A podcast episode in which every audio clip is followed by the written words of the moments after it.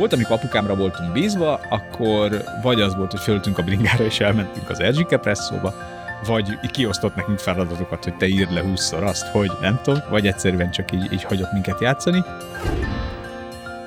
Anyukám próbálta fenntartani a nyugodt rendezett család látszatát, irgalmatlan erőkkel. A gyerek az, az nem, nem problémát lát maga körül, hanem a, az életét. Tehát, hogyha valamiben fölnősz, te azt nem problémának látod, hanem, hanem adottságnak. Vagy hogyha nem tudom, az osztálytársait például így, így elkapnak a fiú WC-ben, és vörösre püfölik a hasadat hétfőn, kedden és szerdán, minden héten, akkor te nem azt mondod, hogy te abúzus áldozata lettél, hanem hétfő van. Az UNICEF Magyarország bemutatja Így lettem. Beszélgetések nagy emberek kiskoráról. Mert a gyerekkor meghatározó és megismételhetetlen. A műsor házigazdája Mészáros Antónia. Az UNICEF Magyarország sorozatában a gyerekkorról beszélgetünk, mégpedig vendégeink saját gyerekkoráról. Hiszen ez az az időszak, ami egész későbbi életünket, a személyiségünk kialakulását is meghatározhatja.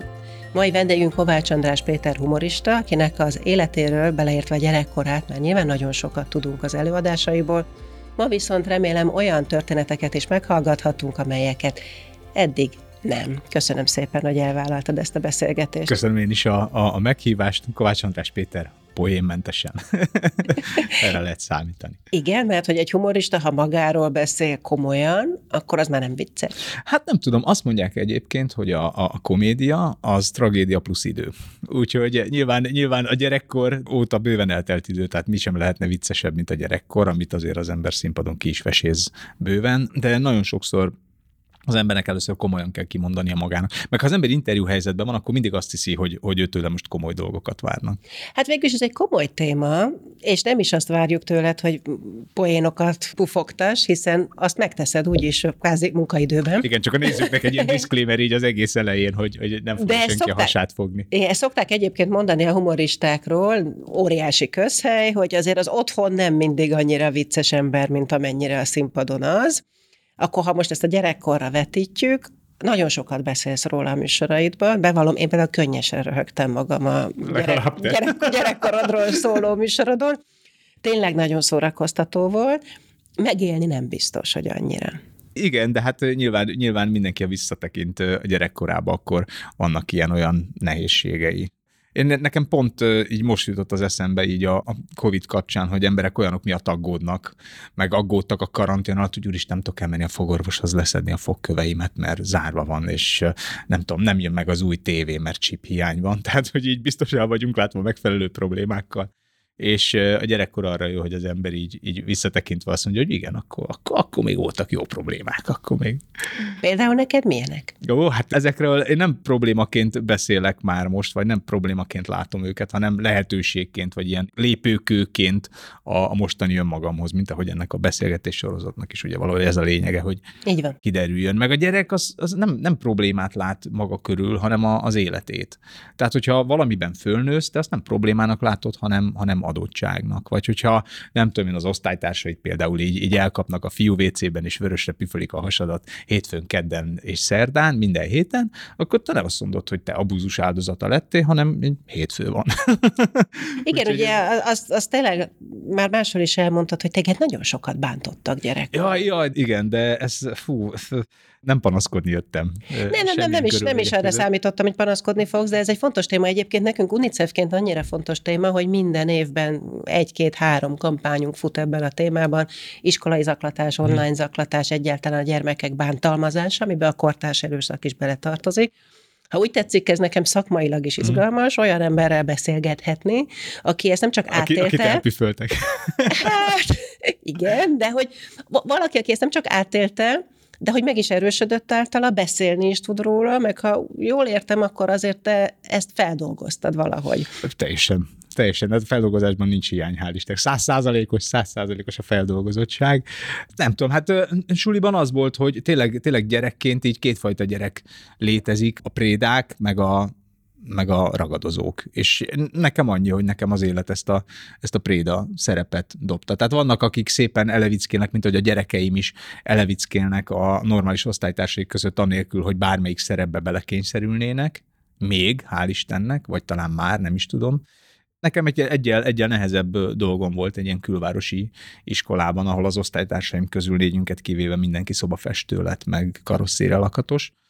Voltak nálam erősebbek, hangosabbak, vagányabbak, és ő úgy érezték, hogy itt a kis pufi fiút, mert negyedikes koromban egy picit így meg, meghúsosodtam egy vírusos májgyulladás után, akkor úgy érezték, hogy akkor rajta le lehet vezetni a, a feszkót. És amikor az ember ezt így kapja, akkor így elsőre azt mondja, hogy jaj, fiúk, nem arfuljatok már, csinálj, a hülyék vagytok. és aztán ez így az emberen rajta maradt. Tehát, hogy ő, ő azt hiszi, hogy ő ennek a hecnek a, a tagja ugyanúgy, vagy a részese. Tehát nem, nem, nem áldozatnak érzed magad ilyenkor, na, megint marhulunk a, a fiúkkal, és nyilván, nyilván belül fáj, de te ezt így, nem tudom én, tíz évesen így azt mondod, hogy hát mit csináltatok ma? Hát kimentünk az udvarra, és megvertünk engem. ez, ez így ennyi. Ezt, a gyerekek ezt nem fogják fel tragédiaként, és amikor otthon megkérdezett tőlük, hogy mi volt ma a suliba, és azt mondják, hogy semmi, akkor ebbe ez is simán belefér, mert hétfő volt, kimentünk, és úgy játszottunk, hogy én feküdtem a, a földön, ők meg térdeltek a melkasomon. És ezt nem is mondtad el otthon? Nem, nem, nem, fog az ember minden, minden egyes ilyen napi kalandról beszámolni. Nagyon érdekes egyébként, hogy egyszer fordult elő az, hogy mentünk haza általános iskola elsőben, vagy másodikban talán egy osztálytárs így hülyéskedtünk, és akkor nem tudom én így, ez, ment ez a kis, izé, kis ilyen lögdösődés, és akkor volt egy tűzcsap, és akkor én így, nem tudom, meglöktem, de fogtam a, a vállán a, a ruhát, meglöktem, de rögtön vissza is rántottam. Tehát csak ilyen így, izé. És mentünk tovább, és utána találkoztunk három osztálytársammal, akik engem elkaptak, és neki kentek a, a, az egyik házfalának. Aztán egy kicsit emberkedtek velem, aztán elengedtek, és aztán hazamentem, nyilván teljesen kikészülve, apám megkérdezte, hogy mi volt ez az egész, vagy mi, mi, mi a bajám, mondom, de gondoltam, itthon van fater, na majd én itt kiöntöm a szívemet, majd némi empátiát találok nála, hogy engem megvertek az ott, mi az, hogy megvertek, az miért hagytad, hogy megverjenek? Tehát, hogy zéro empátia, majd, hogy nem ő is megpofozott, tehát ez a, ez a szülő, az apai reakció, hogy miért, miért hagytad? És akkor anyukám meg persze bement a, az iskolába, hogy itt milyen, milyen dolgok történtek tanítás után, és akkor behívtak minket. Ezt az osztálytársnőmet is, aki ezt nyilván végignézte, azt a három fiút is, engem is, na mi volt itt hazafelé? És akkor jött az, hogy engem a fiúk megvertek, és hogy, a, és hogy én meg ezt a, csináltam a lánynak ezt a ötből négyen kaptunk intőt, tehát köztük én is, és így a mai fejemmel el tudnám magyarázni azt, hogy a, hogy az Ocean's Elevennek nem tagja a szajré, tehát hogy akit, akit bántanak, nem kell intőtani, de hogy akkor már, tehát rögtön így indult, tehát hogy ott vagy benne egy helyzetben, ahol így nincsenek tisztán áldozatok meg, meg elkövetők, hanem nekem már ott az az egész így másodikban összeolvadt, és, és, és ott már én is, én is úgy tekintettem magamra, hogy hát én is hibás voltam, mert én meg miért szórakozom az osztálytársnőmmel így, és így innentől kezdve így, így teltek az évek, hogy, hogy nem lehet megmondani egyértelműen, hogy, hogy ki, a, ki a jó és ki a rossz, ki az áldozat, ki az elkövető, kiből miért lesz áldozat. Tehát, hogy én, én, én ugyanúgy, ugyanúgy tehetek róla valószínűleg, hogy, hogy engem ott elkaptak, vagy hogy később elkapdostak, mint azok, akik, akik elkaptak. Tényleg ezt gondolod, hogy te tehettél róla? Hát az ember gyerekként így ezt, ezt, ezt gondolja. Hát nyilván velem van a baj, ha engem kapnak el. De a mai de már nem gondolod ezt. Nem tudom, én tényleg azért úgy érzem, hogy, hogy, hogy semmi sem, semmi sem egyértelműen fehér vagy fekete. És eszem ágába sincs így utólag is kimondani azt, hogy ezek az osztálytársaim rosszak voltak, én meg, én meg jó voltam. Mert hát ők gyerekek voltak valószínűleg, gyerekek voltak, és ez ugye voltam. mi is azért foglalkozunk vele, mint UNICEF, mert hogy ez nem is egy magyar specifikum, a világ minden országában jelen van ez a történet.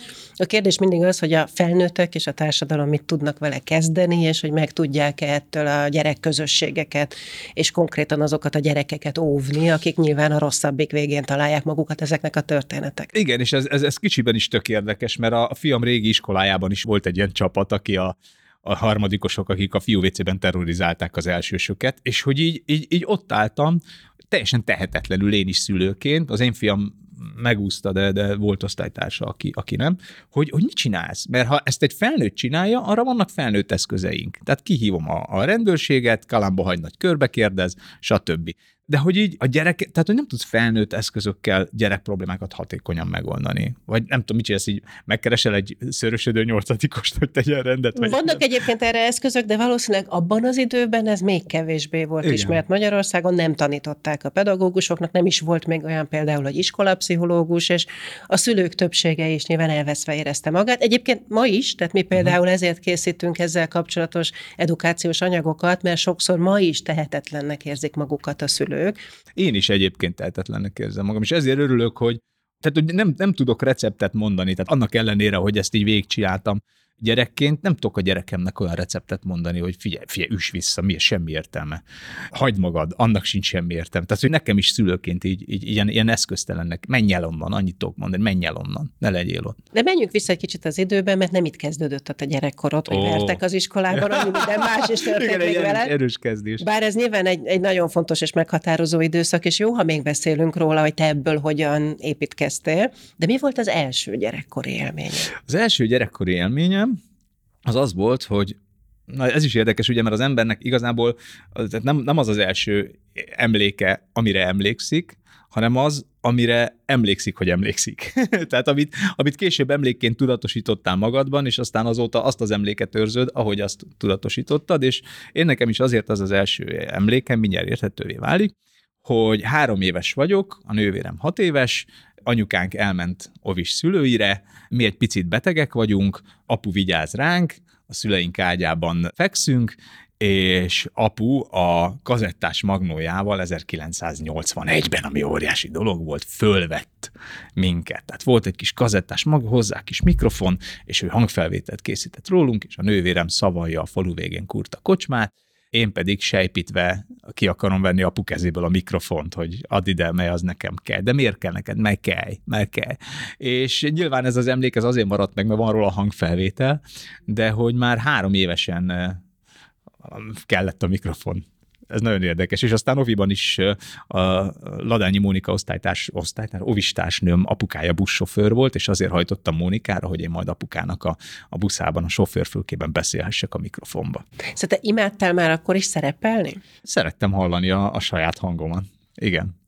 Igen. Akkor még nem érdekelt az, hogy van-e mondani való, vagy nincs, csak, csak hallatszódja. Ez azt jelenti, hogy te is voltál ott az óvodában a társaság középpontja, az, aki megmondta, hogy most akkor mivel fogunk játszani délután. Ö, Nem tudom, voltak haverjaim, tehát volt, Oviban volt egy fix haveri köröm, egy ilyen triumvirátusunk, de én nem emlékszem, hogy így tágabb körben élettem volna ott a, az összetartó erő. Aztán általánosban persze már úgy alakult, hogy, hogy én voltam az osztály bohóca, aki rengeteg viccet tudott mondani, részben azért nyilván, hogy az osztálytársaim szimpátiájára hajtva elkerüljem a, a, a püffölést. Tehát Hát hamarabb jöttek a pofonok, mint a viccek? Vagy emlékszel még tyúk tojás alapon? Nem tudom, nem, nem tudom, nem tudom, hogy melyik, nem tudom, hogy melyik volt előbb. De ez egy ilyen hasznos túlélési stratégiának bizonyult, hogy akár a előttük elüssem a viccel a dolgot, akár legalább saját magam számára.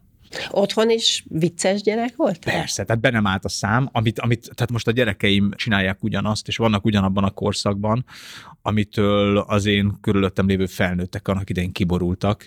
Ez a 8-10 évesen megállás nélkül viccet mesélni, meg filmekből idézni, meg, meg apa nézd, apa figyelj, apa ezt hallgass meg, tehát ugye, ezt most kapom ezt az ívet rendesen. Apukád volt a legfontosabb gyerekkorodban? Tehát ő az, akinek a figyelmére, az elismerésére a legtöbbet vágytál?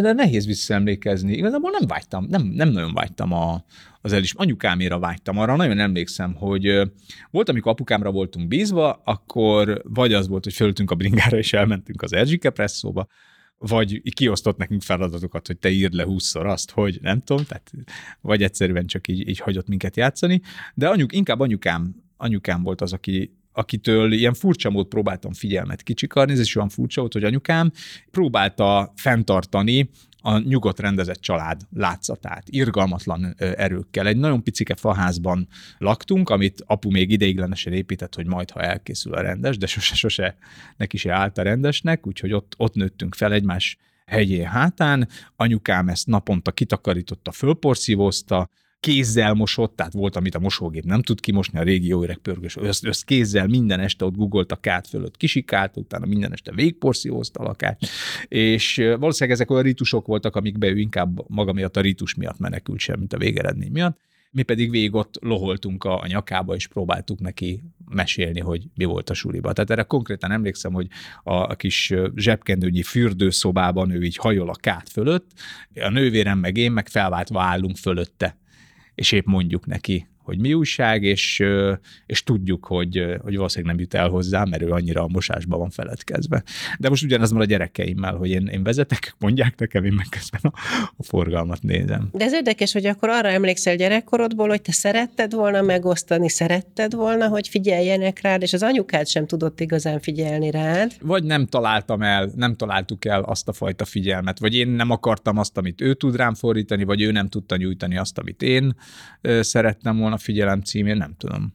Vagy el volt foglalva más problémákkal, ugye úgy fogalmaztál az előbb, hogy menekült. Mi elől menekült? Hát mi elől? Hát senki nem ilyennek képzeli a, az életét, hogy egy picike faházban élsz együtt a, a férjeddel, aki a jó tudja, hogy milyen állapotban kerül elő aznap este. Szomszédunkban laktak nagyszüleim, akik az apai nagyszüleim voltak, tehát anyu így bele volt rakva egy helyzetbe, amiből nem volt az, hogy akkor most elválik, és viszi a két gyereket, mert hogy, hogy így hova, hova vitte volna. És ő, ő ennek a helyzetnek így, így teljesen szöröstül, bőröstül ki volt szolgáltatva. Ja, aki követi a te munkásságodat, nézi a műsoraidat, az, az tudja, hogy miről beszélsz, mert hogy erről elég sokat beszélsz a színpadról is, de azért azoknak a kedvéért, akik még nem hallották, jobb, hogyha a néven nevezzük ezt a problémát, úgy hívják, hogy alkohol. Igen amire azt szokták mondani, hogy alkoholbetegség, meg, meg nem tudom, alkohol probléma, de hogy ez, ez igazából nem egy ember problémája, hanem ez mindig egy családé.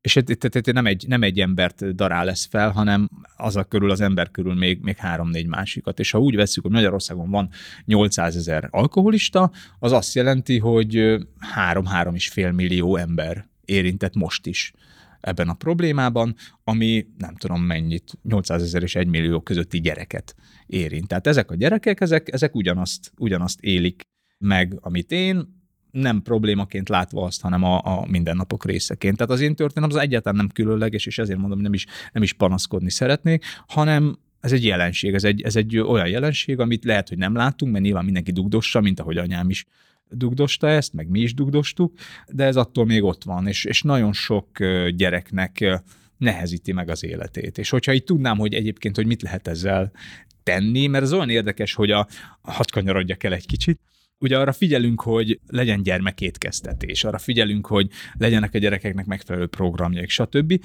De tehát ilyen gyerek lélektan, vagy gyerek mentálhigiénia nincs mert a gyerek nem fog a lelki problémáival odafordulni a felnőttekhez, mert azt se tudja, hogy azok problémák. A szülő ezeket nyilván próbálja eltusolni, hogy nincs itt semmi látnivaló.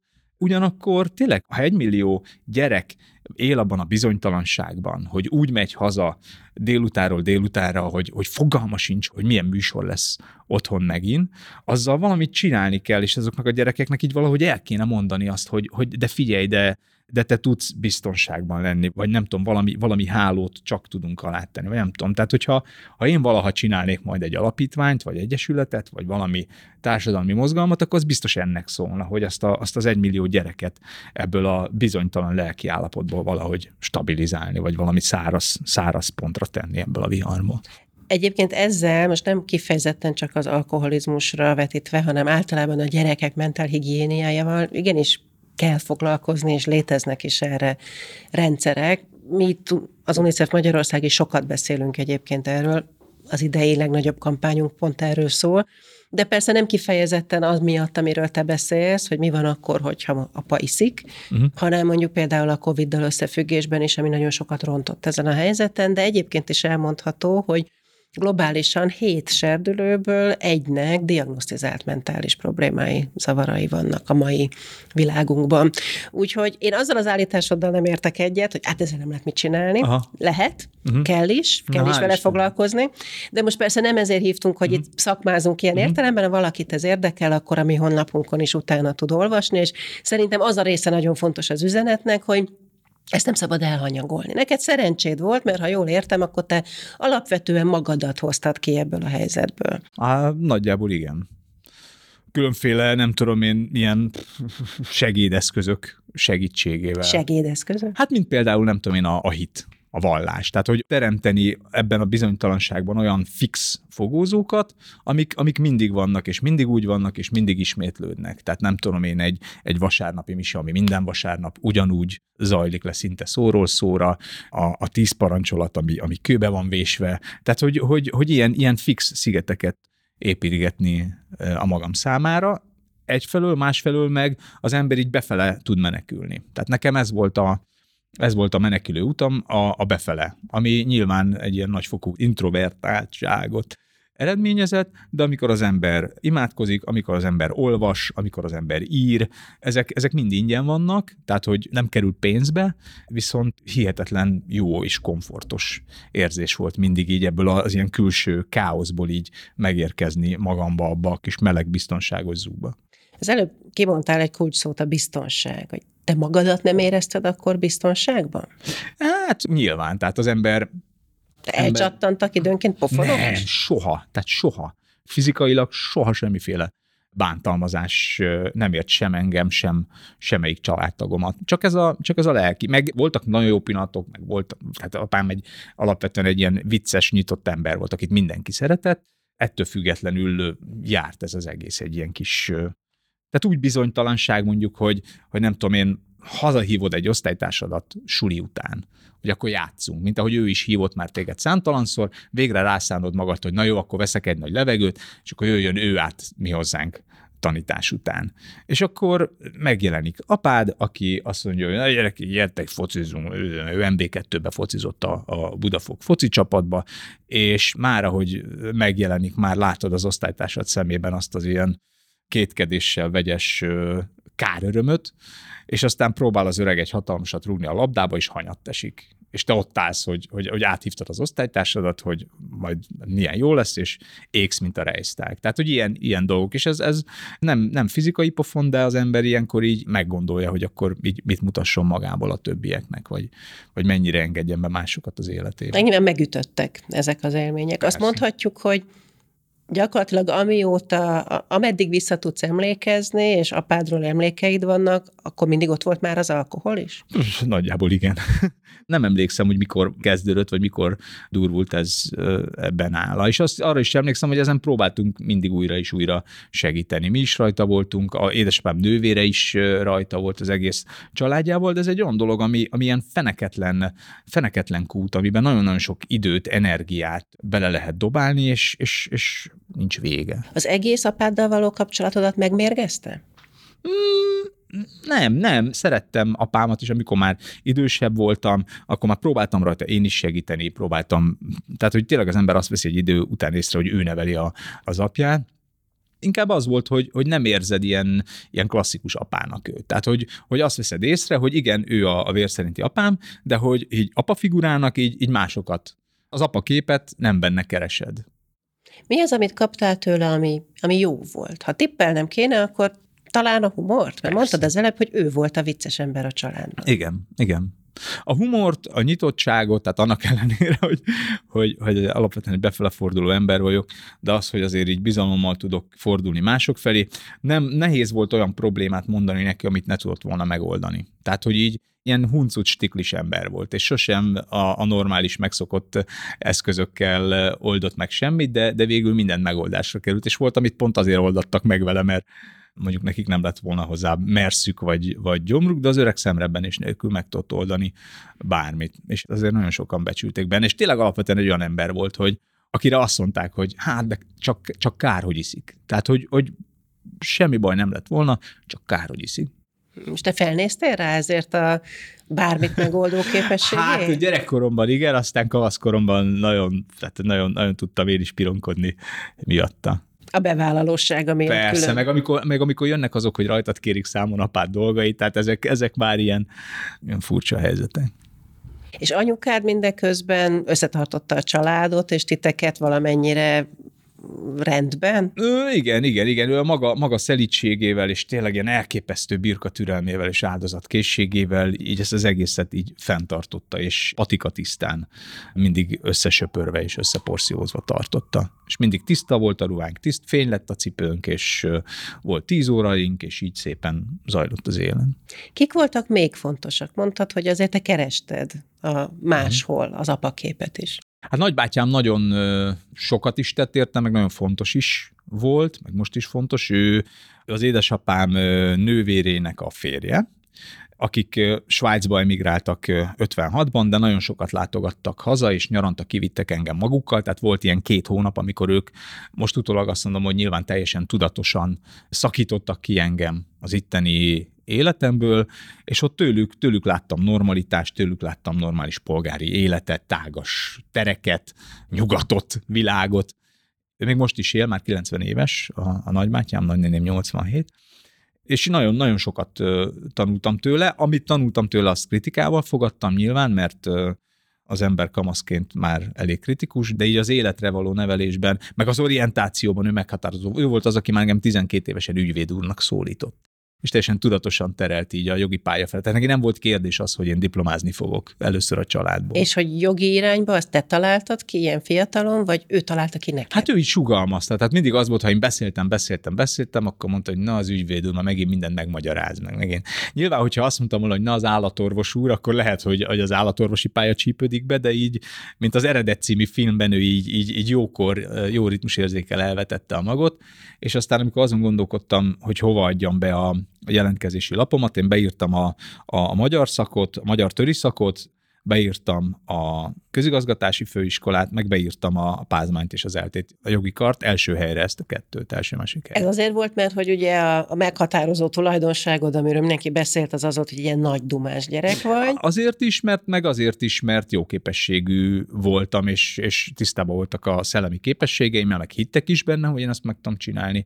Én is hittem benne emiatt, meg azt mondtam, hogy ilyen méről én nagyon el tudok rugaszkodni, és nagyon ki tudok lőni magasra.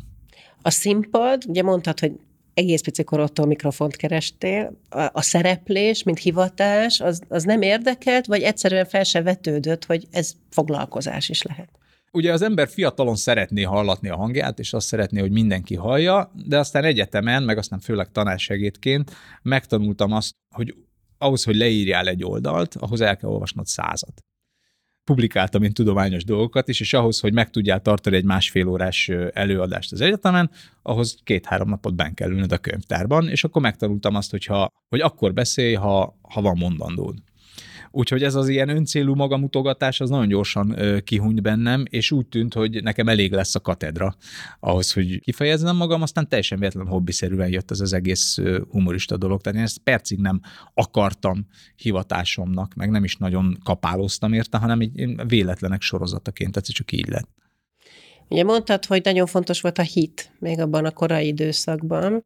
Ez az, amit akkor abban az időszakban a vallásból merítettél? Hát akkoriban, tehát általános iskolában az embernek még nincs hite, akkoriban megszokások vannak, hogy te ott vagy minden nap a templomban, minisztrálsz, elmondod az imákat, eldarálod, de kizártnak tartom, hogy egy, egy 10-11 éves gyerekben ez, ez, ez, ez élő hitként működjön, ahhoz kell valamiféle szellemi meg lelki érettség, amikor eldől, hogy na akkor ezt komolyan veszed, és megrezonáltad benned valami mélyebbet is, vagy pedig hidegfejjel átgondolod, és azt mondod, hogy ennek semmi értelme. És nálam ez kamaszként történt meg ilyen 14-15 évesen, amikor azt mondtam, hogy na ebből most hát tényleg tudok erőt meríteni, meg ide tényleg vissza tudok húzódni ilyen kis nyugalmas állapotba. És az, hogy a templomba bemegy, az meg szintén családi adottság volt? Igen, igen, igen. Nagymamám, nagymamám volt az, aki ilyen erősen hívő katolikus asszony volt, az a mélyen, nagyon erősen, nagyon keményen vallásos. Tehát szokták, szokták mondani ugye, hogy szélsőséges iszlámista, olyat nehéz elképzelni, hogy szélsőséges katolikus, mert ugye ez csak a, a béke vallása, de nagyanyám az volt. Tehát ő, ő, ő szélsőséges katolikus volt minden külsőségben, tehát az ő hangja volt a leghangosabb a, a misén. Egyszer felpofozta a papot, tehát yes, szóváltásba keveredtek, és felpofozta a plébános, tehát ennyire, ennyire kevény szélsőséges. Nem volt elég erős a hite a papnak? Nem tudom, nem tudom tudom, min szólalkoztak össze, és ő volt az, aki kézen fogott engem, és elrángatott, hogy na, akkor gyere, elmegyünk most misére, és aztán már hat évesen azt mondta, hogy na, akkor most szépen beiratlak hittanra, aztán na, akkor most minisztrálni fogsz, és ott fogsz állni te is a pap mellett, és én is a barátnőim nagyon büszkék leszünk rá, egy kis keményített fehér ingedben. Tehát ő volt az, aki engem ebbe az egészbe belerángatott, és tényleg az embernek ez, ez gyerekkorában így annyira, annyira egy ilyen megszokás, meg egy rutin, meg egy feladat, hogy el kell menni hittanra, hogy az ugyanúgy nincs kedved sokszor, mint edzésre menni. És nekem így konkrétan emlékszem, egyszer megjöttünk a Skála metróból bevásárlásból, már nem is emlékszem, még kellett a Skála metróból menni Budafokról, és hogy ne kelljen hittarra, mert nem elbújtam a kuka mögé. Anyám még megkerestek, teljesen kétségbeesve, és amikor éreztem, hogy ez már tartatatlan, és már tényleg a rendőrséget fogják hívni, akkor nagy pironkodva előmásztam, és el lettem zavarva. Egyszer meg elmentem hittarra, mert éreztem, hogy ez a kuka módszer nem fog bejönni, de nem mentem be, hanem a templom előtt elszámoltam 60-szor 60-ig, és akkor úgy éreztem, hogy egy óra letelt, és hazabringáztam. És ez fordult aztán át annyira, hogy később pap is akartál lenni egy ideig. Igen, ilyen 14-15-16 éves koromban jött meg annyira ez a dolog. De ez is, ez is, ez is a biztonság, meg a kiszámíthatóság. Tehát, hogy ott egy életpálya, ahol gondoskodnak rólad, ahol van fedél a fejed fölött, van ételed, van munkád, van hivatásod, vannak körülötted emberek, akikkel segíteni tudsz. Tehát ez, az, hogy, az, hogy nőtlenség, az meg akkor így annyira nem, azzal a szemmel nem jelentett volna nagy gondot. Tehát 14 évesen még nem foglalkoztattak a csajok? Foglalkoztattak, de volt némi kudarc élményem ahhoz, hogy akár el is tudtam volna engedni ezt a dolgot. És mivel teltek egyébként a napjaid? Mivel teltek? Uh-huh. Gyerekkorodban, kisgyerekkorodban, nagyobb gyerekkorodban. Hát kisgyerekkoromban ben voltam a suliban, utána nem tudom én, vagy bringáztunk délután, vagy elmentem hétfőn és szerdán néptáncra, mert odaírattak be szüleim, tehát ez is érdekes, hogy akkor még nem volt olyan, hogy mit akar csinálni a gyerek, mihez van kedve, ezt megnézzük az interneten, és beülünk az autóba, és heti háromszor átviszem a város másik végébe, tehát ilyen nem volt, hanem mi van kint az iskola fali újságon, oda el tud bringázni a gyerek, mert innen egy kilométerre van, azt arra jár arra a foglalkozásra kész. És ez nálunk ott a helyi zeneiskolámon a néptánc volt, úgyhogy én arra jártam, az volt nekem a mozgás, a sport, meg a zene így együtt. Hát hétköznap ez, ez ezzel telt, hétvégén vasárnap mentem minisztrálni, és ez milyen érdekes, hogy a, néztem a kacsameséket, ugye a vasárnap délután ötkor elkezdődött a, a kacsamesék, utána jött az Ausztrál Express, majd a Balú kapitány kalandjai, de nekem már az Ausztrál Express félbe kellett hagynom, mert három hatra oda kellett érnem a, a templomba minisztrálni. Úgyhogy így a kezdődő ébredező kapitalizmus és a katolicizmus az így oltotta ki egymást nálam ebben a formában. És nagyjából így. És mi volt neked igazán fontos ebben az időszakban? Gyerekként így, ilyen, mit tudom én, 14 éves koromig így nem nagyon emlékszem rá, hogy, hogy mi volt fontos, nem tudom a játék, meg, meg nagyon erős képzeletem volt már akkor is, tehát hogy én, én elképzeltem magamnak szuperhős barátokat, meg komplet jeleneteket, meg csatákat, meg nem tudom, amit az ember úgy általában elképzel magának.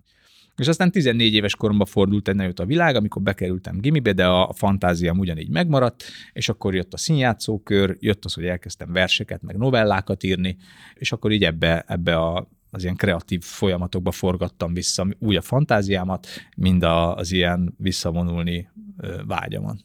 Ez sok szempontból lehetett egy nagy fordulat az életedben, mert egy teljesen más közegnek is gondolom, amit Budafokon körülvett téged, meg a budai cisztercet a gimnáziumban. Hát ez egy óriási ugrás volt. Tehát tényleg a, budafoki munkás negyedből, ahol tényleg az volt a program, hogy apád elbringázott veled az Erzsike presszóba, onnan bekerülni egy gimnáziumba, főleg egy egyházi gimnáziumba, hát az egy ilyen, az egy ilyen nagyon nagy ugró deszka volt, és egy ilyen egészen más világ, amit, amitől az ember így, így idegenkedik, ilyen, hogy nem az a világ, amit eddig megszoktam, egy tök más világ, tök más szabályokkal, orvos gyerekekkel, ügyvéd gyerekekkel, és meg kellett tanulnom az egésznek a nyelvét. És emiatt szerencse volt, hogy egyházi gimi volt, mert legalább az egyházi része, a liturgikus része, az szóról szóra ugyanaz volt, mint Budafokon. Tehát az osztálytársaimmal, az osztálymisén ugyanazt a szöveget tudtuk darálni, és azért az egy elég, elég jó kapocs volt oda, egy elég jó belépő volt oda, viszont nagyon érdekes volt az is, hogy, hogy, hogy ezt, a, ezt az ilyen préda mi voltomat, ezt, ezt valahogy oda is vittem. Hogy tökre örültem, hogy na lezárom az általánost, itt hagyom ezt az egészet, és majd a gimibe tiszta lappal indulok, és valahogy akkor is kiszagolták rajtam. Ezért mondtam, hogy nem tudtam magamnak egyértelműen azt mondani, hogy én nem vagyok ebben hibás, mert valahogy, valahogy ott is volt egy-két osztálytársam, aki, akinek valamiért elkezdtem csípni a, a csőrét, és ilyen pici stikliket, tehát ott, ott már nem, nem voltak az emberek olyan, gimibán nem olyan kegyetlenek az emberek, mint általánosban, de ilyen, ilyen pici kellemetlen stikliket azért elkövettek, meg törtek azért elég borsodott is az órom alá. Aztán 16 évesen az elmúlt, mert valahogy kinőttük. Azt éreztették veled például, hogy te más vagy, egyszerűen azért, mert máshonnan jött? Nem, nem, erről szó se volt. Tehát, hogy, hogy a budafoki gyerek, nem, nem, nem emiatt, nem, nem tudom neked megmondani, hogy miért. És nem tudom megmondani, hogy, hogy mit éreznek ezek a, a ragadozó gyerekek, meg a, a préda gyerekekben, de nem tudom más a szagunk, vagy fene tudja. Tényleg nem tudom megmondani. Sokat gondolkoztál egyébként ezen? Tehát ahhoz, hogy ma egy annyira kiegyensúlyozott ember legyél, mint amilyen vagy, ahhoz kellett neked idő, hogy feldolgozd ezeket a történeteket, a gyerekkorodat egy kicsit megértsd, hogy, vagy magadon Persze. dolgozzál? Persze, rengeteget.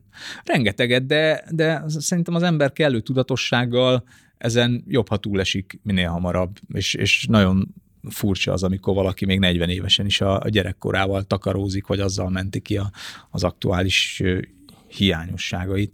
És ezért mondom, hogy, hogy, hogy nem is, tehát nem is látom én ezeket utólag tragédiának, ezeket én lehetőségnek láttam, vagy látom most, amik, amikből tényleg én lettem, és tudom, hogy hogy ne kövessem el még egyszer én is ugyanazokat a hibákat. De ehhez tényleg nagyon nagy fokú tudatosság kellett. Nálam az működött még nagyon egyébként, hogy rengeteget írtam mondom, verseket, novellákat, irodalmi értékük gyakorlatilag nulla, és nem is merném visszaolvasni, viszont arra jó volt, hogy mindenféle ilyet néven tudtam nevezni, és, és ki tudtam írni magamból. Terápiás ért. Gyakorlatilag maximálisan terápiás volt. És egyébként ebben a, ebben a feldolgozásban, ebben az önismereti folyamatban segítettek neked szakemberek, és te kértél hozzá nem. külső segítséget? Nem, nem éreztem azt. Tehát én nem, nem éreztem azt, hogy én nekem az átlaghoz képest olyan problémáim lennének, ami, ami, amivel körülöttem ne küzdött volna mindenki. Tehát én azt gondoltam, hogy ez az élet, az embereknek ilyen problémáik vannak, és ezeket megoldják.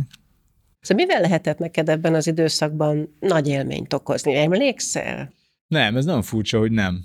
Tökre nem tudom megmondani, hogy mi volt az, ami hatalmas örömet okozott. De, de, az, hogyha volt egy-két barátom, akikkel ilyen, ilyen igazi önfelett kamasz marhulásokban tudtunk részt venni. Tehát amikor tényleg, tényleg vannak ezek a nyerítő kamaszok, akik könnyezve röhögnek, Konkrétan volt egy közösség, ahova jártam péntek esténként, egy ilyen templomi közösség, és ott, ott megvolt az az élmény. Tehát az, az, az, az inkább szólt erről szerintem, mint a, mint a hitről, hogy, hogy tényleg eszméletlenül önfeletten tudtunk röhögni. Te meg ugye sokat építkezel a, a kacagtatásban ebből az időszakból, a gyerekkorodból is, de egyébként a vallásból is. Tehát te bibliai témákat is beépítesz a műsorodba, meg a, meg a vallással is viccelsz, azon gondolkozol időnként, hogy azok, akikkel annak idején találkoztál a templomban, meg minisztránsként, azok mit szólnának ehhez? Nem. Hogyha? Nem, soha nem gondolkodom ezen, hogy, hogy, hogy ki mit szólna, meg, meg mit szólna vajon. Ez rettenetes nagy blokkot rak szerintem a, a, az emberbe, hogy úristen, ha most, ha most látna anyád, mit mondana, meg ha most látna... Ez, tehát ezzel, ezzel nem tudok foglalkozni, azzal tudok foglalkozni, hogy az arról beszéljek, ami, ami igazán érdekel, meg amit érdekesnek, meg, meg közérthetőnek hiszek. És a Bibliával is azért foglalkozom nyilván, mert, mert ezt tanultam sokáig, ez van a fejemben, hittamból érettségiztem, az volt a választott tantárgyam, tehát hogy, hogy ebben, ebben kulturálódtam, ez a, ez a kultúrámnak a, meg a lényemnek a, a része, úgyhogy tehát, hogy az ember azért viccel ilyenekkel, pont nem azért, mert el akarja ezt az egészet taszítani magától, vagy, vagy ki akarja gúnyolni, vagy meg akarja alázni ezt az egészet, hanem pont azért, mert hogy ez, ez is az ő része. És hogyha András, Andriska, az a kisfiú, aki te akkor voltál, vagy az a kamasz fiú, Bandi aki voltam, voltál? de, Bandi de csak a szüleimnek, csak és kizárólag a szüleim. És egyébként? Egyébként meg András. Tehát, hogy ez a három név, ez úgy jön, hogy mivel a Péter van a végén, mindenki egyből lepetiz, de erre azért volt szükség, mert ugye nagyon sok Kovács András létezik mindenféle művészeti, meg tudományos tevékenységet végezve, és én megtanultam az egyetemen, hogyha már korábban valaki ugyanazon a néven, akkor a nevemet megkülönböztető jelzéssel vagy elhagyással kell ellátni.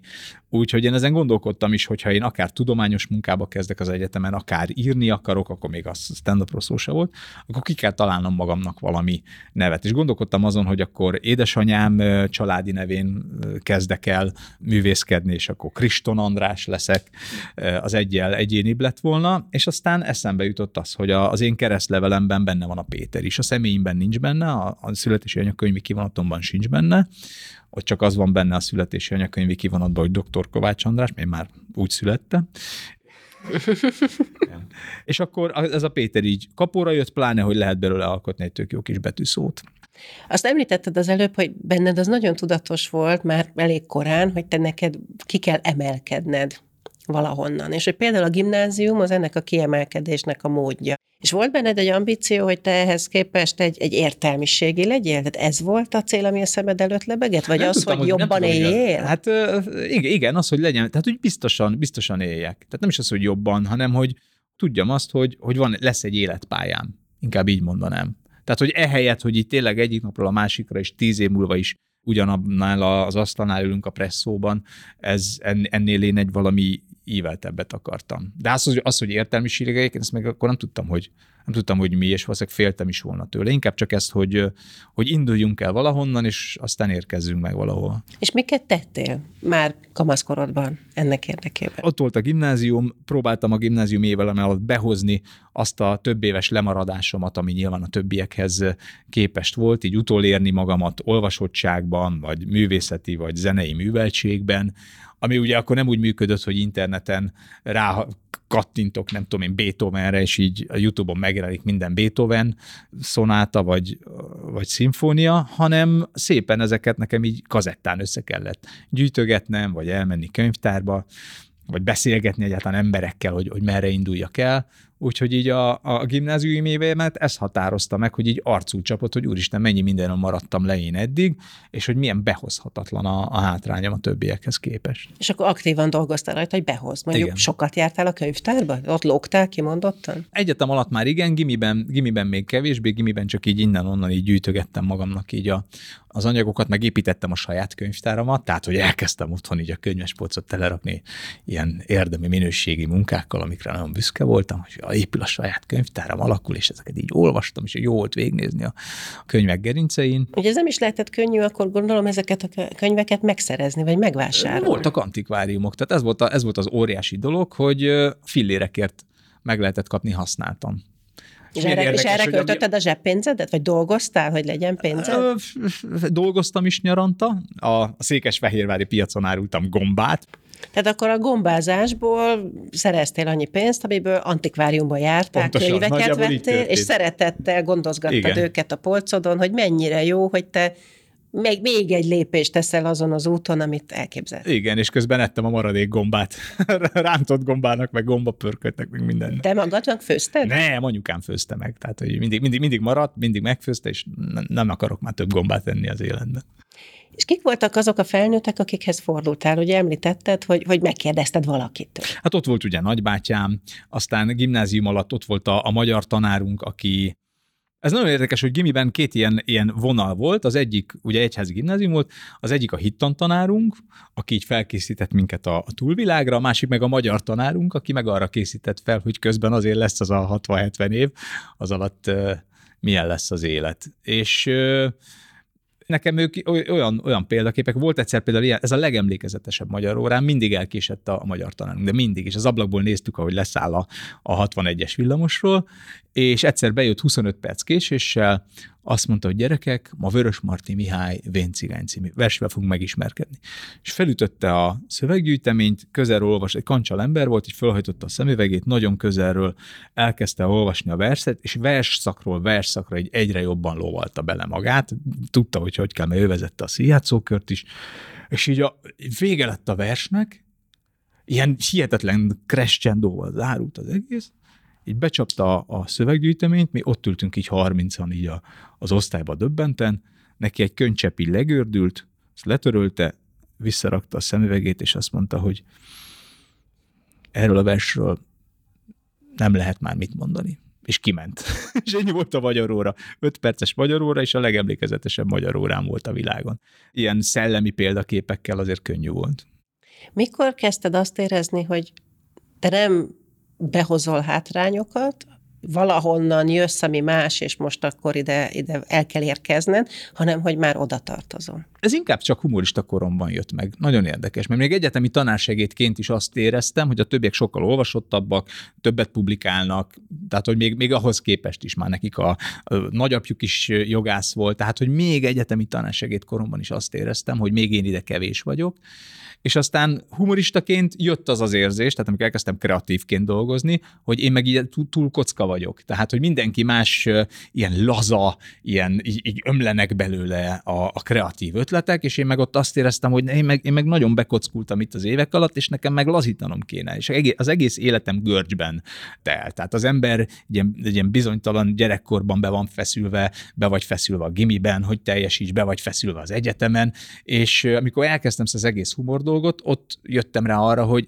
itt meg pont el kéne engednem már ezt a, a 20x éves görcsöt. És akkor meg az volt a nehéz, hogy akkor én ide ebbe hogy tudok az egészbe belazulni. És ha őszinte akarok lenni, akkor amikor megszülettek a gyerekeim, akkor jött el az, hogy annyira elfárasztottak a hétköznapok, tehát amikor így, így tényleg csinálod, felkelsz, éjjel nem azos, hát mindenki tudja, hogy, hogy nem tudtam egyszerűen a színpadon feszült lenni, vagy görcsös lenni, vagy merev lenni, vagy, vagy modoros lenni, hanem egyszerűen csak így, pff, így jött belőlem az, és, és akkor, akkor éreztem azt, hogy így megérkeztem. Így mindenestől, így a, a, a szakmában is, a családban is, meg mindenhogy.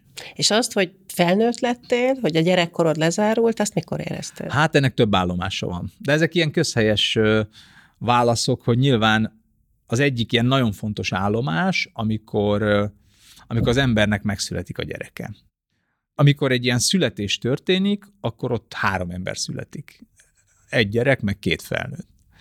És nekem ez volt az egyik ilyen pont, hogy na innentől viszont tényleg nem lehet mellé beszélni, meg nem lehet hülyéskedni, meg félváról venni az életet. A másik ilyen pont pedig, amikor, amikor elveszted a szüleidet amikor azt mondod, hogy ideig volt egy pater familias, egy családapa, vagy egy családanya, akihez azért lehetett fordulni, akivel azért még civakodsz, mert már felnőtt vagy, és miért szól bele a dolgaidba, és miért ő akarja megmondani még, még felnőttként is, bár nekem anyám sose olyan volt, vagy apám, akik meg akarták volna mondani, de ott, ott érzed azt, hogy most, most tényleg magamra vagyok hagyva.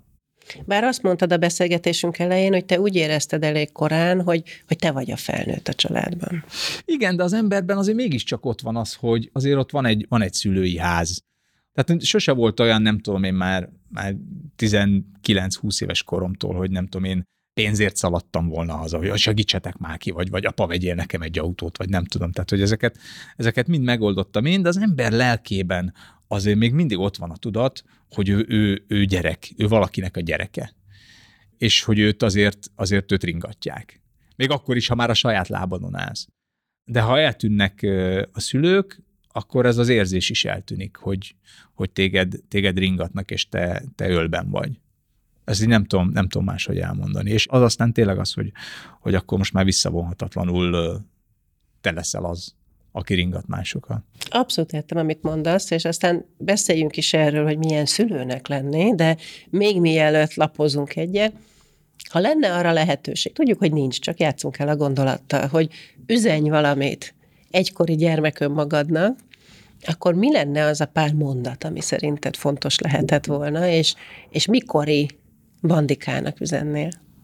Ezen is gondolkodtam egyébként már, hogy és akartam is róla anyagot írni, hogy ha egy cédulát tudnék csúsztatni a zsebembe, az akkori zsebembe, hogy akkor mi lenne, mi lenne ráírva, valószínűleg ezt, ezt az egy szót írnám rá, hogy nyugi. Nyugi, lesz, jó, jó lesz, valahogy lesz. Tehát, hogy ne izgulj, holnap is fel fog jönni a nap, az élet pontosan tudja, hogy, hogy mit akar tőled, vagy mi a célja veled, és ne görcsölj rá, ne görcsölj rá ennyire a tanulásra, vagy az eredményekre, ne görcsölj rá ennyire a, a, a szabályokra, tehát én, én hihetetlenül szabálykövető voltam, és bennem például a, a tíz parancsolat a lányokkal szemben valami olyan, olyan gátakat épített, amiről beszéltem már stand-upban is, tehát egy olyan évekig tartott nekem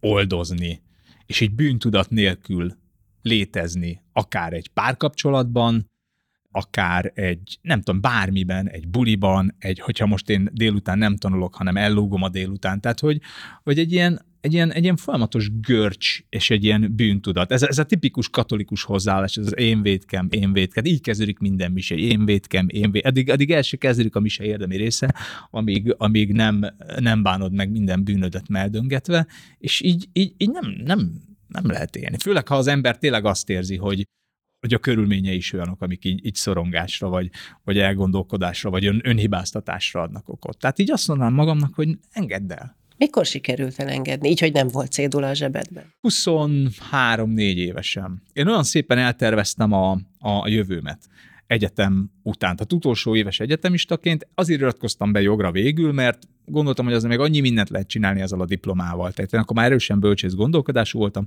hogy még lehetek újságíró, lehetek bármi. Ugye a fél nyugatos nemzedék jogász volt.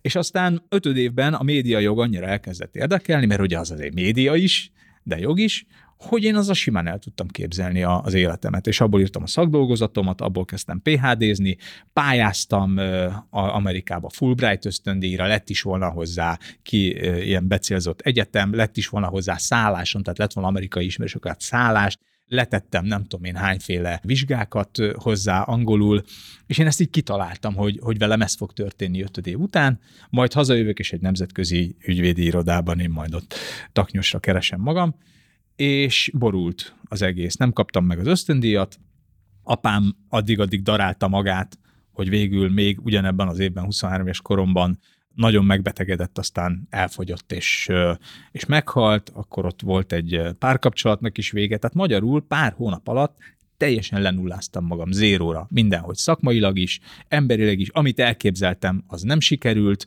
ami helyette nem volt B-tervem, körülöttem minden megváltozott, és akkor így ez a, ez a klasszikus sor a mi amit az ember ezerszer elmondott addig, hogy legyen meg a te akaratod, akkor az így értelmet nyer. És azt mondod, hogy elengedem. Elengedem, legyen az, aminek lennie. Én, nem tudok, én itt nem tudok okos lenni, innentől kezdve az élet tudja, hogy mit akarok. Tehát én ezt, és, és végig is gondoltam, amikor ott bent voltam apámnál, és néztem, ahogy üveges tekintettel nézi a, a fehér plafont, hogy, hogy lesz egy nap, amikor én is így fogom majd nézni a fehér plafont. És mit akarok látni? Azon a plafonon fog majd nekem futni egy mozi, és mit akarok én azon a filmen látni? Azt, hogy, hogy a legszebb éveimben robotoltam reggeltől napestig egy nemzetközi ügyvédi irodában, azért, hogy majd aztán biztonságban tudjam magam 40 évesen. Vagy azt akarom látni, hogy volt egy csomó élményem, volt egy csomó kalandom, volt egy csomó felszabadult, vidám, boldog pillanatom, és akkor azt mondtam, hogy, hogy én ezt elengedem, kényszerből elkezdtem dolgozni egy, vagy ilyen B megoldásként elkezdtem dolgozni egy, egy picike ügyvédi irodában, és pár hónap múlva szóltak az egyetemről, hogy megüresedett egy ösztöndíjas PHD állás, lenne kedvem oda menni ösztöndíjas PHD hallgatóként, közben egy magániskola, amiben már az ügyvédi iroda alatt tanítottam, ott is így egyre több órát rám bíztak volna, és ez is csak kialakult az, hogy én meg tudok élni a tanításból, abból, hogy nem kell reggeltől napestig bejárnom, tehát hogy így nem kell reggel nyolctól délután négyig valahol valakinek az elképzeléseit valóra váltanom, és hirtelen így, így, így beindult az élet. Szellemileg szabad voltam, nagyon élveztem, amit csinálok, és rá két évre jött ez a stand-up lehetőség is, szintén teljesen véletlenül és sorsszerűen, ez is szépen beindult. És hogy jön be... valakinek véletlenszerűen egy stand-up lehetőség, aki egyébként tudományos karrierben halad éppen előre? Úgy, hogy még anyám hallott a Komédium színháztól egy felhívást a Klubrádióban 2004-ben, hogy ők házi kabarébűhelyet csinálnak, és én oda így jelentkeztem, így küldte, felvettem magamat, ahogy a konyhában beszélek, és küldtem egy videót, nagyon rossz volt szerintem, és hozzám hasonló pályázókból ott létre is jött egy házi kabaré műhely. Többek között Bödös Tibort is ott láttam először, és aztán a harmadik, negyedik alkalommal kiderült, hogy ők azért így nem tudnak fizetni, akinek van kedve, azt csinálja, csinálja. Ott a komédium kávézójában havonta egyszer tudunk csinálni valamit, jó részt annak a közönségnek, akiket mi hozunk ismerősökből. Aztán a harmadik, negyedik alkalom után mondták, hogy hát igazából így nekik ez így nem éri meg, és ne legyen, és akkor megszűnt, és én ezt akkor így annyiban is hagytam, viszont a páran tudták, hogy indul a Godó Duma szín, a Godó kávézóban a Duma színház, átmentek oda, többek között ugye Tibi is, meg még jó páran, és valaki megadta az én telefonszámomat Litkai Gergőnek, és mentem egyszer vissza egy jól sikerült szemináriumról, ahol csillogó szemű 20 éves lányoknak adtam elő a médiajog szépségeit, és ott várt egy SMS a telefonomon, hogy Litkai Gergely vagyok, stand-upot szervezek, ha van kedvet hívj. Azóta Gergővel van egy közös cégünk. Úgyhogy, úgyhogy így, így jött véletlenszerűen. És akkor be, bedobtam így a vallásban is a gyeplőt, és azt mondtam, hogy itt lesz, ami lesz. Én most két évig úgy döntöttem, hogy az ember leszek, és, és nem fogom ezeket a görcsöket magamban hagyni, hogy, hogy, hogy blokkoljanak akár a, nem tudom én, lányokkal való kapcsolatomban, akár bármiben, és hát volt egy ilyen két-három év ilyen nagyon intenzív tanulási szakaszom, ami gyakorlatilag, tizen, gyakorlatilag már 17 évesen át kellett volna esnem, aminek a vége az lett, hogy egyszer csak így ilyen hosszas keresgélés, meg, meg nagyon sok ilyen, nem tudom, próbálkozás után találkoztam a mostani feleségemmel. Úgyhogy így azt kell mondjam, hogy egy 23-tól 27 éves koromig gyakorlatilag ezzel az attitűddel, hogy én most hátra teszem a kezem, így a helyére zökken minden. És a többi, a többi már The rest is history. És egy kicsit, mintha akkor pótoltad volna be a kamaszkorodat. Minden. Tehát akkor bepótoltam a kamaszkoromat, akkor helyre tettem magamban mindenfajta ilyen görcsöt, vagy bűntudatot, vagy nem tudom én, ilyen sérülést, és így, így már úgy tudtam neki menni nem tudom, 27-8 évesen az életnek, hogy akkor én innentől kezdve egyenesbe vagyok. De ahhoz tényleg az kellett, hogy gyakorlatilag így, így mindennel, minden korábbival tudjak szakítani. Ami nehéz, mert nagyon sok ember egy életre benne marad ezekben a, a helyzetekben. Tehát egy, egy szörnyű tragédia, hogy, hogy apám meghalt 23 éves koromban, de, de lehet, hogy ha tovább cipelem őt, akkor, akkor ugyanígy benne vagyok, mert lehet, hogy magamtól nem lett volna erőm ebből, ebből kilábalni ebből a helyzetből nagyon-nagyon sajnálom, hogy, hogy így történt, és azt is nagyon sajnálom, hogy, hogy őt elvesztettem, de, de tény, hogy ahogy, ahogy eltűnt körülöttem, de ezt is elmondtam már máshol is, hogy, hogy ahogy, ahogy eltűnt így a külső világból, úgy kezdtem őt felfedezni magamban, és úgy, úgy tudtam őt helyre tenni magamban, és felismerni magamban a gesztusait, a, a genetikai jegyeit a, a, a testemen, a hanghordozását, a, a mindenét. És, és végül így ő is, ő is a, a helyére került. Egy ilyen az életemnek egy, az egyik legmegbecsültebb polcára. Tehát lehet, és ezért, ezért is mondom, hogy nem, egyáltalán nem panaszkodni jöttem, meg nem úgy érzem, hogy ez egy elfuserált, vagy egy ilyen el, nem tudom én, el, elrontott gyerekkor volt, vagy nem, mert, mert nem volt rossz. Ez egy, ez egy teljesen átlagos gyerekkor volt, amiben, amiben így a végén végül minden helyre került. Azért elérzékenyülsz, hogyha erre gondolsz. Igen, és nem szoktam, nem szoktam kamerák előtt, és ezért most is, hál' Istennek, be tudtam húzni a féket időben, de... És kamerák nélkül pedig szoktál? Persze. Nagyon szeretek elérzékenyülni. Már színpadon is szeretek elérzékenyülni, meg szeretem az embereket is elérzékenyíteni, mert, mert olyan jó. Tehát olyan jó, hogy, hogy hát, hogy emberek vagyunk, meg vannak érzéseink, és ezeket, ezeket jó megélni. Tehát ha az ember ezt tehát nem éli meg ezeket, akkor nem ember. Ez egy olyan. És hogyha a gimnazista önmagad, vagy az általános iskola önmagad, akkori András, látna ma, meg a mai életedet, akkor mit gondolna? Ó, nagyon nagy példakép lennék. nagyon nagy példakép lennék. Én világéletemben irigyeltem azokat az embereket, akiknek megvan a lehetőségük arra, hogy hogy úgy éljenek, és azt mondjanak, amit akarnak. Akiket így nem, nem köt meg semmi, akiket nem, nem feszélyes semmi, akik így, akik így, így bátran, tehát hogy megvan, megvan a bátorságuk így a, az élethez. És ezt, ezt a fajta bátorságot hajkuráztam én is egész életemben igazából, és ezektől a bilincsektől való megszabadulást, és ez, ez most sikerült. Úgy érzem. Biztos példakép vagy sok mindenki másnak is, aki még most tart valahol ott, vagy máshol, de valamiért ez egy, ez egy fontos történet, meg egy fontos példázat lehet neki. Mit gondolna szerinted apukád?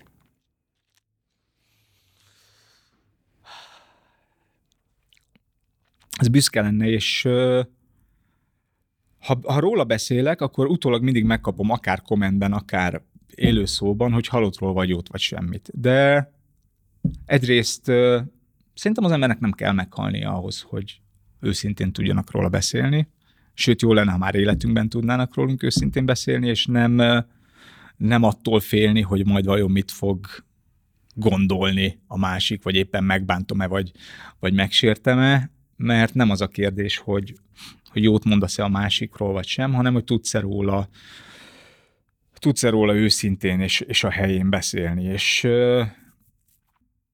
szerintem büszke lenne, meg egy kicsit úgy érezni, bár minden szülő szeretné, ugye, hogyha a gyerek, szeretné a gyerekkel a saját életét életni, ő sose volt az, tehát ő sose kényszerítette rám a saját életét, mert vannak ilyen szülők, te fiam orvos leszel, vagy te, te minden leszel, ami én nem tudtam lenni, de majd te, te az leszel, az én folytatásom leszel. Ő ilyen sose volt, ennek ellenére szerintem ezt érezni, és ez valószínűleg imponálna neki. És valószínűleg azt gondolná, hogy valami, ami benne megvolt, elkezdődött, ez a, ez a humor, ami neki fontos volt, az benned egy, egy méltó helyre került? Vagy egy visszaigazolást Talán kapott igen. a külvilágtól? Talán igen. Talán igen, és, és azt is érezni, amit én is érzek, hogy hogy minden igyekezetem ellenére mégiscsak az ő sorsát folytatom. Tehát, hogy a, az ember azt gondolja, hogy gyerekként, hogy neki, ahogy van saját élete, úgy van saját sorsa is. És aztán csak egy felnőttként döbbensz rá, és veszed észre, hogy de hát te tulajdonképpen ugyanazokat az egyeneseket húzott tovább. Csak a saját vonalzóddal. És szerintem abban meg tudnék vele egyezni, hogy azt a sorsot folytatom, csak, csak valahogy, valahogy jó a vonalzó. Nem tudom. Mondtad, hogy te nem leszel az az apa, aki a saját beteljesületlen álmait próbálja megvalósítani a gyerekében, ez nagyon jól is hangzik, de azt is jelenti, hogy ha voltak meg álmaid, akkor azokat neked kell beteljesíteni. Igen, de nincsenek. Nem marad semmi? Nem, semmi, semmi. Az embernek előbb-utóbb meg kell tanulni abban a szakaszban boldognak lenni, ahol éppen jár. Azt gondolod, hogy hó, majd izé, leérettségezek, és fölvesznek a jogra, ah, király lesz fölvettek a jogra, huha, huha, öt év, jaj, jaj, jaj, jaj, jönnek a szigor, hú, el kell végezni, le kell diplomázni, hogy de jó lesz, meg lesz a diploma, megvan a diploma, és akkor most mi van? Én emlékszem, amikor meglett a diplomám, hazamentem, és sírtam, mert így hirtelen így, így tudatosultam azzal, hogy most 80 évet valahogy ki kell tölteni. és nem leszállkásítod, nekem kocka hassam lesz, és akkor mi van? És én majd nem tudom, én teltházat fogok produkálni a kongresszusi központban, és és akkor mi van? És, és előbb-utóbb ott találod magad, hogy, hogy ott kell boldognak lenned, ahol éppen vagy. Tehát nem hajkurázhatsz állandóan álmokat, hanem, hanem a legjobb, hogyha minél hamarabb megtanulod magad jól érezni abban, amiben vagy. Úgyhogy, úgyhogy nem tudom én mondhatni azt, hogy beszürkültem, vagy nincsenek ambícióim, vagy fenet, nem vagyok motivált, de hogy én per pillanat nagyon jól érzem magam ott, ahol vagyok. Nagyon szépen köszönöm ezt a tökéletes végszót, meg az egész beszélgetést. Nem fejezzük még be teljesen, mert mint ahogy mindig minden vendégünknek felteszek még egy plusz kérdést, az arra adott választ pedig megnézhetik akkor, hogyha regisztrálnak nálunk. Köszönjük, hogy velünk tartottál! Minden vendégünknek feltettünk egy extra kérdést arról, hogyan látja a mai gyerekek a felnövő generáció jövőjét, világát. Ha kíváncsi vagy a válaszra, iratkozz fel a weboldalunkon. És ha a beszélgetésünk kapcsán esetleg elgondolkoztál a saját gyerekkorod meghatározó szereplőin, mondj köszönetet annak a személynek, aki rád volt nagy hatással. Egy virtuális UNICEF képeslap segítségével. unicef.hu per így lettem. A következő rész tartalmából. Sakkal biztos, hogy már cumis koromban találkoztam, mert cumi helyett az egy nagy jó kis, a gyalog az kifejezetten úgy, úgy néz ki, tehát ez biztos, hogy számba volt már apuéknak voltak alapelvárásaik, tehát az volt például, amikor egymással játszottunk versenyeken, akkor mindig döntetleneztünk. És hiába volt Zsuzsi sokkal jobb, akkor is mindig ez így bevált szokás volt, mert ő anyu mondta, hogy nem, hát ne bántsátok egymást. Azért a gyerek mindig leveszi, hogy azért hányadán állnak a dolgok azért a környezetébe. Tehát azt nagyon megérzi, hogy valami különleges, vagy kinézik, vagy megszólják. Azért azokat nagyon éreztük.